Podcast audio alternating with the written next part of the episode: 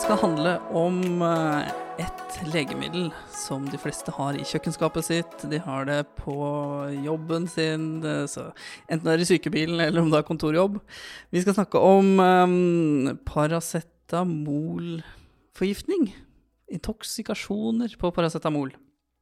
Og på andre siden av bordet av meg så sitter selvfølgelig Fridtjof Heierdal. Eh, sjef eh, Hva skal man kalle det for noe? Sjefsfarmakologist? Eller ja, det er i hvert fall ikke, men, men uh... luftambulanselege og um, medisinsk uh, bakvakt på Ja. Giftinformasjonssentralen. ja, det, Det var en fin intro, vel? det var det. ja. Paracetamol det er jo noe vi er um, ofte borti. Ja. Det er vel kanskje den, det som i tablettform vi, vi ser oftest. Mm. Eh, at noen tar eh, på, eller så et stort, har et stort enten forbruk eller gjør selvskading pga. med eller med legemiddelet paracetamol. Ja, det er veldig vanlig. Sånn at det er, eh, er vel det enkeltlegemiddelet som, eh, ja, som vi har flest intoxer på. Ja. Mm. Og eh, hovedfokuset i podkasten blir jo på en måte eh, overdosering og forgiftninger. Altså forgiftning, hva skjer ved forgiftning? Eh, men har også på alle disse uh, podkastene vi skal ha om legemidler, så har jeg liksom lyst til å ta inn indikasjoner og virkningsmekanisme og ønsket effekt på det, men det var superkort. Ja. Paracetamol eh, vet vi ikke helt nøyaktig hvordan funker. Nei, for det er ganske fascinerende. Så det vil jeg helst ikke svare på. Men vi vet at det er smertestillende, og, og det er et veldig bra smertestillende så sant dosene er høye nok.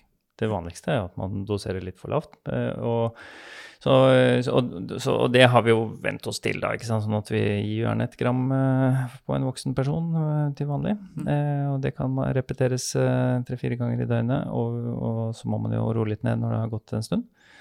Så det er et veldig vanlig brukt medisin. Og jeg vet det er mange tjenester som har god erfaring med det bruk i ambulansetjenester, med, med bruddskader og diverse ting, eh, og IV. Ja, og, og for der er det sånn at eh, eh, selv om det ikke er nok i seg selv, så er det så bra i bånn, så man sparer en del av opiatene. Nettopp. Og det er viktig. Og så er det da noen av eh, Ja, vi kan ta bivirkningene først, da. Hvis vi går på Ja, jeg har hørt at du kan få blodtrykksfall og sånt noe i verste fall av paracetamol. Ja, det er, særlig, si den, det? ja, det er særlig den intravenøse. Fordi er da, som vi snakket om i forrige podkasten, med hva som er forskjell på intravenøs og, og når man tar det peroralt, så, så starter plasmakonsentrasjonen så høyt opp. og da, så da er det noen som får litt eh, blodtrykksfall fordi de vasodilaterer, altså blodårene blir jo litt større, og så synker trykket. Og det er eh, stort sett veldig kortvarig og lett å håndtere. Enten ved å bare skru av og gi litt langsommere, eller å gi litt ekstra væske. Jeg har ingen erfaring med det sjøl, men det er, kan man se dette ofte på pasienter? Vi ser det til på operasjonsstua, for da monitorerer vi blodtrykket så innmari nøyaktig. men, men, det har, men det er ikke noe stort problem. Nei, Nei, så én ting er om det er en effekt, og en annen ting er om problemet er stort, og problemet er ikke stort. ikke sant. Man skal ikke være redd for det. Ja. Så da overdosering og forgiftning. Ja. Hvorfor blir det farlig? Hvorfor blir det farlig? Ja, for paracetamol i seg selv er ikke farlig. I seg selv. Men så, som vi snakket om eh, i forrige podkast, så skal jo eh, så gjør jo kroppen en del ting med alt vi putter inn. Og det vanligste er at eh, den blir gjort om i leveren med, på forskjellige måter. Og så skal det skylles ut da, gjennom nyrene. Og Paracet er jo også en sånn som skal innom leveren og omdannes. Og da er det flere ruter, flere stier, som paracetamol eh, omdannes til. Og det, de store, eh, liksom der hvor det meste blir omdannet, det er helt ufarlig, også metabolittene. Men det er kanskje 10-15-20% som blir omdannet over en cytokrom, som det heter, en SYP, til en farlig metabolitt. Og den heter NAPKI. Eh, Det er forkortelsen, og eh, det er nesten ingen som vet hva den står for. Det ser ut som en sånn figur på barne-TV. Ja, det er det med NAPQI, NAPKI. Og den, eh, den er celletoksisk. Så den bryter ned leverceller særlig. Ja. Sånn at en, så med andre ord, altså en, en av flere metabolitter, nedbrytningsprodukter, er farlige. Og det vil jo si at eh, eh, den, toks, den, toksiske virkningen For det første så tar det litt tid før den farlige metabolitten kommer, for det, det må jo brytes ned. Og for det andre så er det farlig pga. celleskade, sånn at da må man jo rekke å ødelegge en del celler i leveren. Sånn at vi ser ikke det toksiske før det har gått eh, gjerne ett og et halvt, to, kanskje tre døgn. da. Og da ser vi det i form av levercelleskade og leversvikt. Nettopp. Men mange av de pasientene jeg har hatt, som har tatt store doser med paracetamol, de har jo fått magesmerter ganske umiddelbart. Ja. ja. Og det er en direkte effekt av Paraceten. Sånn at det eh, men, Og det er eh, et viktig tegn å legge merke til, for jo større dose, jo mer magesmerter. Ja. Og noen blir kvalme og kaster opp. Og, ja. Sånn at det er, eh, det er Men det, det, vil ikke altså det er ikke det samme som levercelleskaden. Den kommer senere. Ja. Mm. Men um, selve altså, toksisk dose, det står egentlig veldig godt inne på forgiftningsinformasjon. Ja. Og da er det spørsmål om alt Og felleskatalogen. Og felleskatalogen, ja. Da er jo spørsmålet om alt er tatt i én chunk, eller om det er tatt over tid. Ja. For, uh, skal, for, hvis man tar uh, i én dose, så tåler man litt mer enn om man repeterer den dosen mange, mange, mange ganger. Naturlig nok. Så, uh, så Eh, et eller annet sted mellom 150 og 170 mg per kilo regnes som toksisk dose. Også, og, men hvis man tar, eh, repeterer doser, så, så, er det toksisk eh, kanskje fra eh, 100 mg per kilo per døgn. Ja. Så da kan man regne seg tilbake. Og det, det, med hva som er toksisk dose i en sånn mer kronisk forgiftning, det er vanskeligere å si noe, altså da, si noe sikkert om. Da, da er da kan det være så mange ting som spiller inn, og hvor, hvor lang tid dette har pågått og sånn, og da ser man det gjerne med leversymptomer, eller altså i det minste blodprøver som måler levercellesparametere, altså transaminaser. Ja. Mm. Og før vi går på behandlingen her, da, så er det viktig på en måte å dra med seg og, og igjen være en etterforsker. Mm. Tatt alt med en gang, eller er det en pasient som har hatt magesmerter, tatt paracetamol, ikke funka, tatt, tatt mer paracetamol, altså tatt over lengre tid. Ja, altså så her må Dr. House uh, steppe opp og, og, og, finne ut på stedet. Er det én eh, Altså tidspunktet Hvis det er én dose, hva er tidspunktet? Prøv å få det så nøyaktig som mulig. Fordi det har Eh, konsekvens når vi tar en blodprøve for å måle plasmakonsentrasjonen, for da skal vi gjøre det først når det har gått fire timer. Ja. Og det er tilbake til det vi snakket om absorb med absorpsjon da, i forrige podkast. Eh, at det trengs en viss tid før vi har liksom en sikker konsentrasjon som ikke kommer til å stige videre. Og da må vi jo vite nøyaktig tidspunktet for inntak. Sånn at hvis det, så få tak i det, er det én dose, i så fall når, eller er det mange doser, og i så fall over hvor lang tid? Så det er, eh, det er eh, kjempeviktig for, for fortolkningen av blodprøven. Mm. Hei, du. Husk at du får alle de rykende ferske nyhetene fra Ambulanse-Norge på ambulanseforum.no. Og for bare 69 kroner måneden får du tilgang til alle artikler og webinarene. Også du hvis du er Fagforbundet-medlem, har du også inkludert Ambulanseforum i ditt medlemskap. Og da kommer vi jo også egentlig naturlig inn i på en måte behandlingen ja. av dette her. Mm. Um, den eh, Ja, vi kan jo på en måte ta det definitivt ikke, ja, I hvert fall den inhospitale behandlingen først, og så kan vi snakke litt rundt om hva vi kan gjøre ute etterpå. Mm. Uh, ja, leverer en pasient. Det har gått fire timer, og du ser på blodprøvene at det er uh, høye verdier. Ja.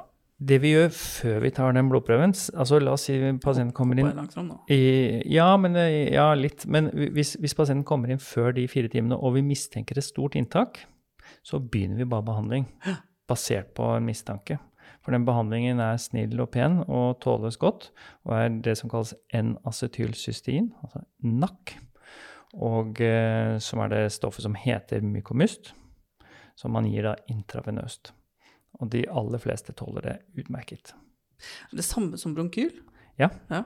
det er det. Bare at eh, dosene er eh, helt annerledes og eh, gis intravenøst. Men, men man kan gi det peroralt. Så man kan egentlig ta en haug av bronkyltabletter og løse opp og så gi peroralt. Så hvis man har lange transportavstander Så hvis, hvis det er folk som hører på her som har, er i situasjoner hvor det tar liksom to-tre timer til sykehus, og, de har, og man har dette peroralt, så kan man gjøre det. Ulempen er at det smaker ikke godt. Ok.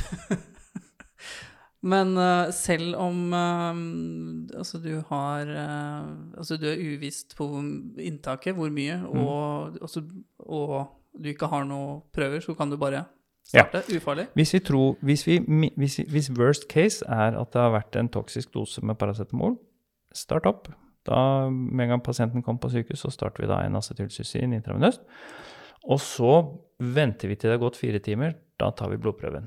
Og det er der den tidspunktet fra, fra ambulansen er viktig å få med. Når, man, når tror man at inntaket var? På firetimeren så tar man en blodprøve. Da måler vi konsentrasjonen av paracetamol i blodet. Og så plotter vi det et, eh, i et nomogram, altså en, som er en kurve med en X- og en Y-akse, hvor det står da tid på X-aksen, og så en linje ned som begynner høyt, og som ender lavt.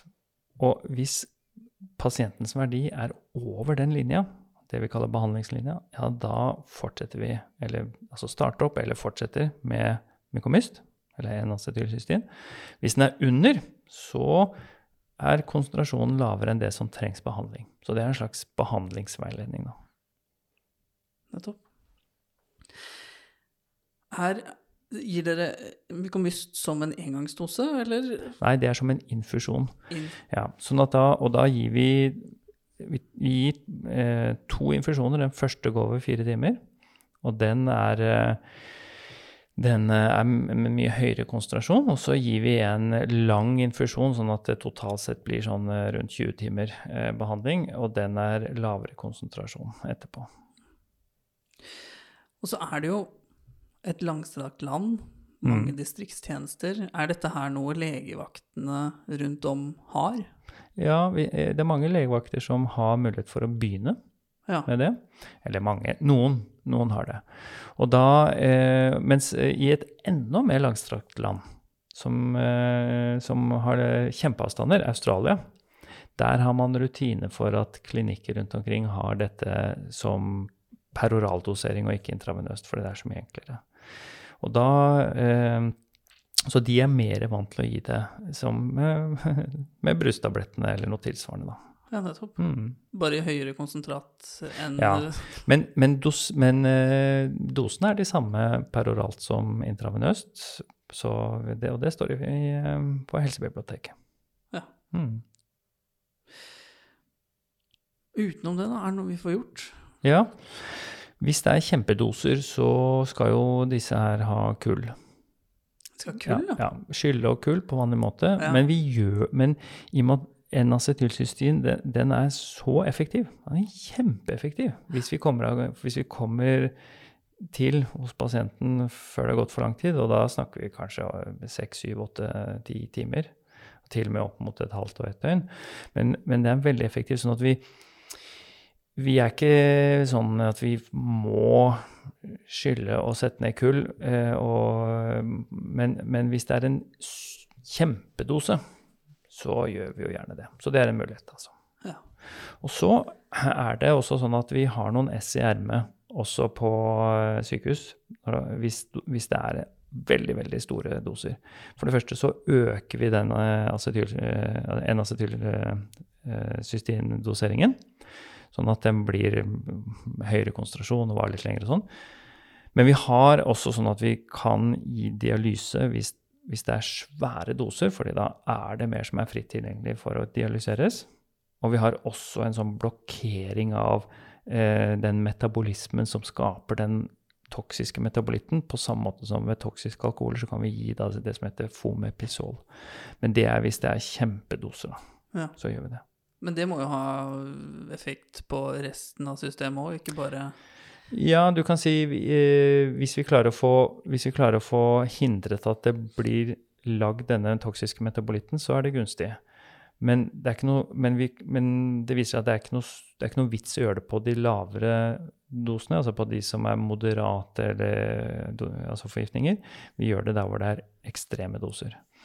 Og det har noe også med at N-acetylcystein er så veldig effektivt at det funker. Så vi, så vi Altså når man sier 'number needed to treat' på, i studier, som er en eh, hvor mange må du behandle for å redde én, så er, er det helt fantastisk på N-acetylcystein. Da er det nedi sånn tre-fire stykker eller noe sånt for å redde én. Eh, mens PCI ikke sant, på hjerteinfarkt det er jo langt høyere. Sånn at, så, så dette er en ekstremt effektiv eh, behandling hvis man kommer til. Nettopp. Mm. Så oppsummere, da. Ja, Uh, vanligste intoksikasjonene vi er borti. Det er riktig. Det tar lang tid før eh, det begynner å bli farlig. Ja, men vi skal gjerne behandle før eh, så tidlig som mulig også. Nettopp. Mm. Um, de har ehm, for Symptomer kan være magesmerter. Mm. Ehm, skal inn på sykehuset Ja. uh, og få acetylcystin. ja. Og så er det forskjell på om det er én dose forgiftning, eller om det er over tid. korrekt. Hvis det er én dose, få tak i tidspunktet. Gjerne dosen også. Det tror jeg vi er flinke til. Ja, dere er altså. kjempeflinke. Ja. Veldig flinke. Så det er sjelden vi har noe problem med det. Og, og, og, og er det sånn at uh, vi ikke veit om det, så er det fordi uh, dere ikke klarte å finne ut av det heller. Nei. Så sånn er det bare. Ja. Mhm. Og jobber du i distrikt, så er det altså lov til å være frempå og på en måte pushe legevaktlegen litt til å starte den behandlingen ute på vei til sykehuset. Ja, hvis det, er, hvis det er veldig langt til sykehus, er, la oss si det er et eh, ambulanseflydistrikt og det er dårlig vær, mm. og det er eh, syv timer eh, på landveien, så kan det være fint å starte med en asyltilsyn. Og litt er bedre enn ingenting, så selv om du ikke har nok eh, eh, til å til en fullverdig behandling, så ta, ta i hvert fall de bronkylramlettene du har, og løs det opp, og få han til å drikke det. Ja. Smaker dritt, men eh, Ja. har effekt. Men det har effekt. Mm. Bra. Jeg tror vi avslutter der, jeg. Ja, Takk, takk for nå, Fridtjof. ja takk skal du ha.